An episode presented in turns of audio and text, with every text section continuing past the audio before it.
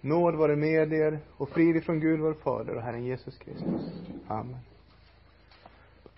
Hör så Herrens ord i dagens evangelietext, den andra söndagen i fastan. Så lyder Herrens ord genom evangelisten Matteus i det femtonde kapitlet och från den tjugoförsta versen. Jesus lämnade platsen och drog sig undan till området runt Tyrus och Sidon. Då kom en kananeisk kvinna från den trakten och ropade Herre Davids son, förbarma dig över mig. Min dotter är svårt besatt. Men han svarade henne inte med ett ord. Då gick hans lärjungar fram och bad, skicka iväg henne. Hon går ju bakom oss och ropar. Han svarade, jag är inte sänd till andra än de förlorade fåren av Israels hus. Men hon kom och föll ner för honom och sa, Herre, hjälp mig.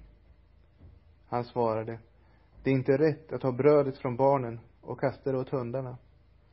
Hon svarade, Jo, herre, för också hundarna äter smulorna som faller från deras herrars bord. Då svarade Jesus henne, Kvinna, din tro är stor. Det ska ske för dig som du vill. Och från den stunden var hennes dotter botad. Amen.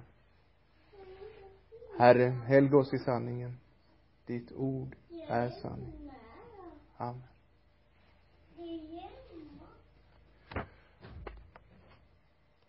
Ja, vi ser idag hur Kristus, som alltid, är fokuserad på sitt uppdrag.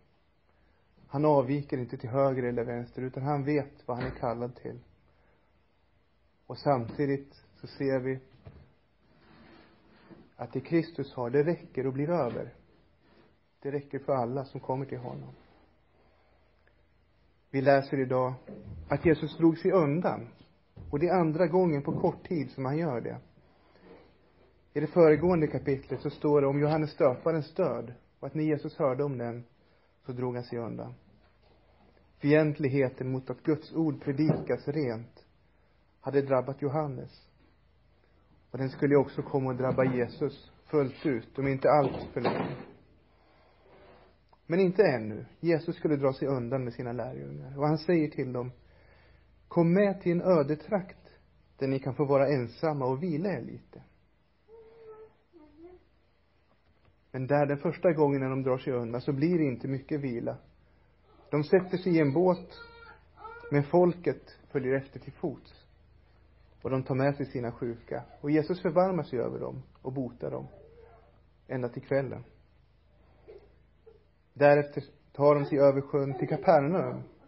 Och där kommer Jesus i diskussion med några fariseer och saduceer. Fariseer och skriftlärda. Om de äldste stadgar om Guds ord. Också detta drar sig Jesus undan ifrån. Han tar med sig sina lärjungar så att de ska kunna vila och kanske få kunna undervisa dem i lugn och ro. Så nu beger han sig in på hedniskt område. Och syftet är ju inte då att påbörja missionsverksamhet bland hedningarna. Jesu verksamhet är begränsad till de förlorade fåren av Israels hus. Det är till sitt eget folk Jesus kommit för att undervisa och bota och hela. Och det är i huvudstaden som han ska förkastas och korsfästas. Först därefter, efter uppståndelsen, så ger Jesus befallning om att lärjungarna ska gå ut bland alla folk. Innan dess är verksamheten bland judarna. Och Paulus skriver också efter befallningen att evangeliet ska gå till alla folk. Juden först, men också greken. Men redan har ryktet om Jesus gått ut. Det står tidigare i Matteus att Jesus vandrade omkring i hela Galileen och han undervisade i deras synagogor och förkunnade evangeliet om riket och botade alla slags sjukdomar och krämpor bland folket. Ryktet om honom spred sig över hela Syrien och man kom till honom med alla som led av olika sjukdomar och plågor, besatta, månadssjuka och lama, och han botade dem. Och vi ser i dagens text att ryktet verkligen hade spridit sig ända till Syrien. För området runt Tyros och Sidon, det låg i den tiden Syrien. Och då kommer alltså en kananeisk kvinna från den trakten. Och hon ropar att hon vill få sin dotter botad. Att hon är en kananeisk kvinna, det betyder att hon hörde till de folk som under den tidiga gammaltestamentliga tiden var motståndare till Guds folk. Hon ropar nu till Jesus, Herre Davids son, förbarma dig över mig.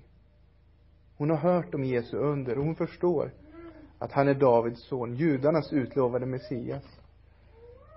När nu hon som hednisk kvinna kallar honom Davids son, så är det ett uttryck både för tro och samtidigt för distans. Vad kunde hon som hedning förvänta sig av judarnas Messias? Men behovet driver henne. Min dotter är svårt besatt. Om någon kan hjälpa henne, så är det Jesus. Hon har hört om honom. Man har hört om honom i hela Syrien. Men han svarade henne inte med ett ord. Nej, han har ju inte kommit dit för att börja bedriva mission bland hedningarna. Han har tagit dit sina lärjungar undan verksamheten i Israel för att sen kunna fortsätta att verka i Israel. Om Jesus skulle börja bota människor här i Syrien så kommer han inte kunna vara i fred här heller. Han är inte på väg att överge sitt egentliga uppdrag, att kalla till sig de förlorade av sitt eget folk och att också lida och dö för dem och för hela världen. Men det ska ske i Israel. Tydligen är kvinnan ganska påstridig, för lärjungarna blir irriterade. Skicka iväg henne, hon går ju bakom oss och ropar. Det kan tolkas antingen positivt eller negativt. Alltså antingen att hon skickas iväg genom att hennes önskan blir uppfylld, eller att hon avvisas och sänds bort. Men det sannolika är att lärjungarna tänker sig att om kvinnan inte får sin önskan uppfylld så kommer hon inte lämna dem.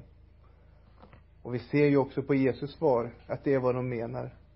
Han förklarar för dem, jag är inte sänd till andra än de förlorade fåren av Israels hus. Men kvinnan faller ner för Jesus och ber honom, Herre hjälp mig. Hon vet fortfarande att Jesus kan hjälpa. Hon vänder sig till honom som Herre och är beredd att lyssna på vad han vill säga henne. Han har ju ännu inte tilltalat henne, utan endast sina lärjungar. Jesus svar till kvinnan är en utveckling av det han har sagt till sina lärjungar. Med en bild som hon både kan förstå och ta till sig. Det är inte rätt att ta brödet från barnen och kasta det åt hundarna.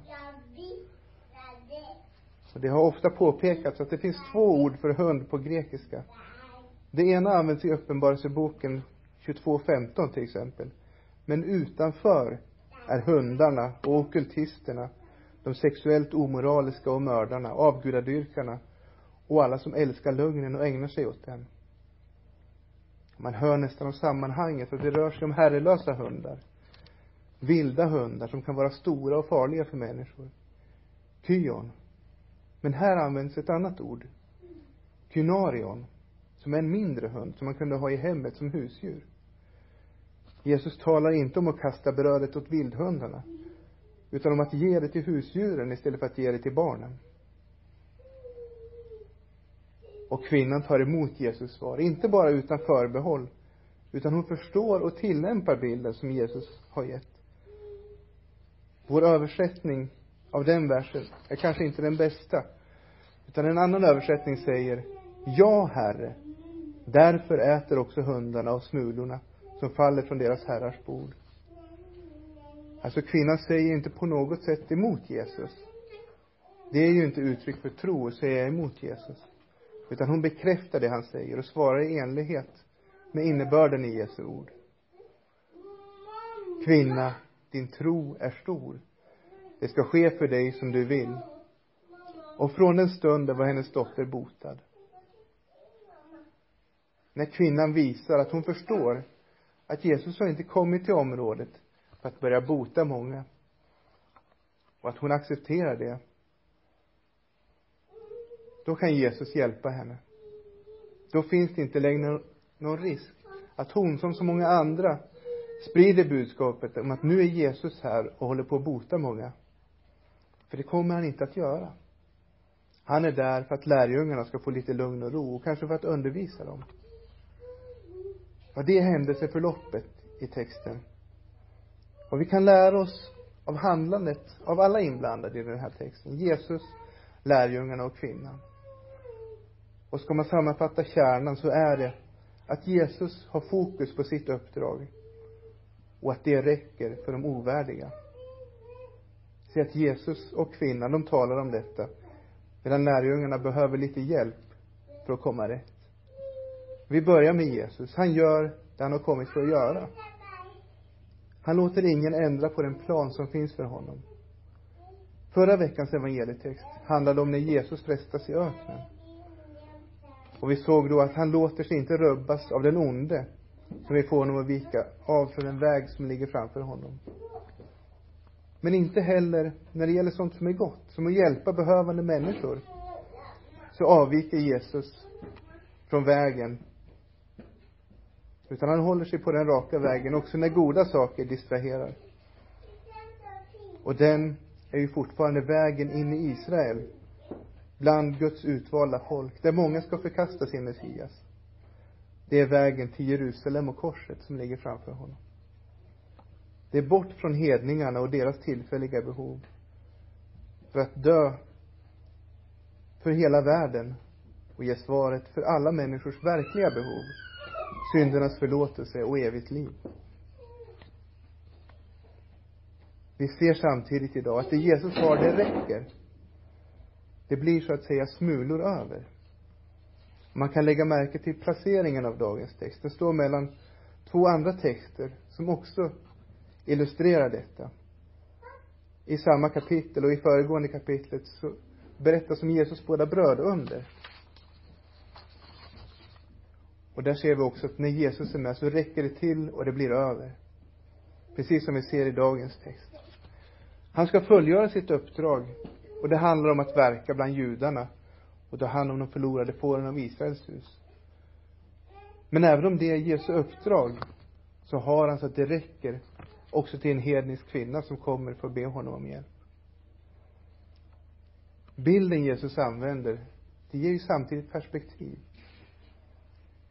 Vi ska hålla fokus på Jesu huvudsakliga uppdrag och inte vända upp och ner på saker.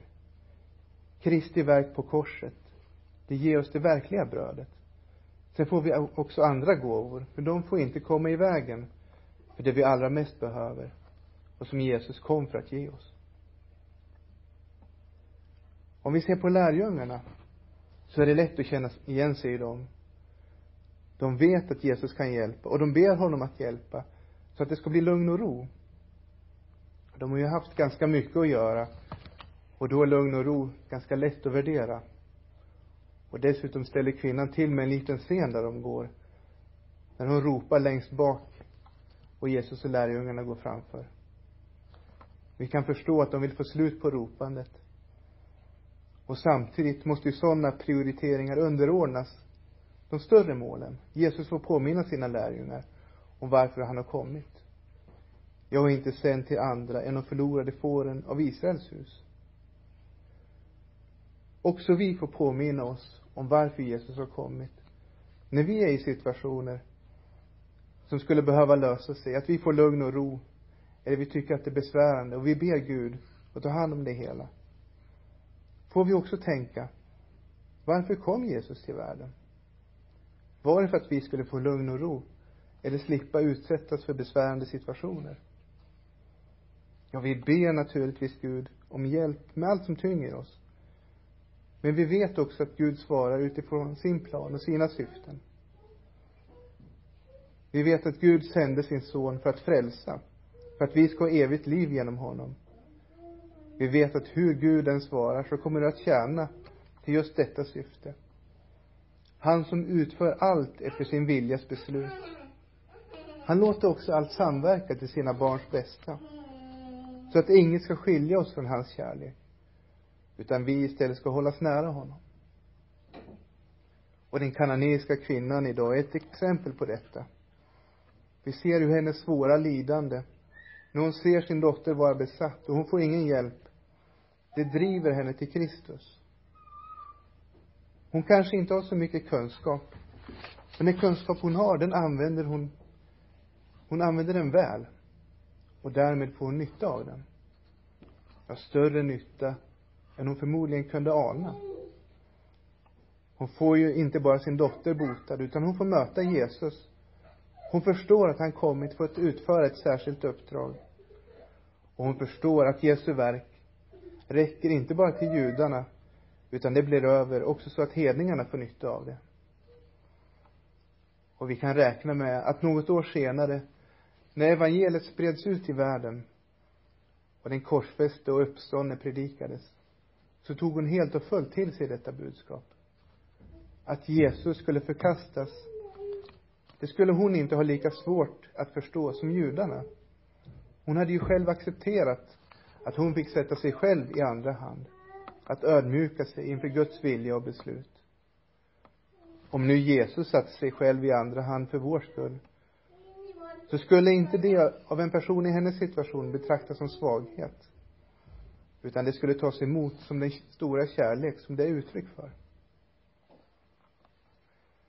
Vi lär också av hennes exempel att när Gud är tyst och inte verkar ge något svar på våra böner, då vet vi ännu inte hur Gud kommer att svara. Hon fortsätter att be, precis som änkan som tjatar på domaren. Ja, vi kan även lära oss av hennes exempel när hon hör hur Jesus svarar. Hur hon helt och fullt accepterar det Jesus säger. Hon har redan hört vad Jesus sagt till lärjungarna om förlorade får av Israels hus. Och hon vet att hon själv är förlorad. Och när hon får en bild av Jesus så tar hon den till sig och ger Jesus rätt.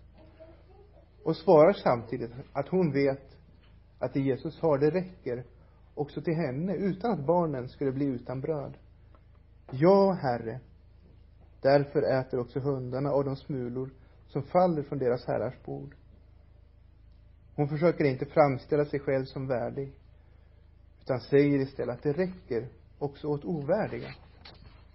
Ja, hon tar emot Jesu ord i tro och ser därför också ett löfte som Jesus antyder med sina ord.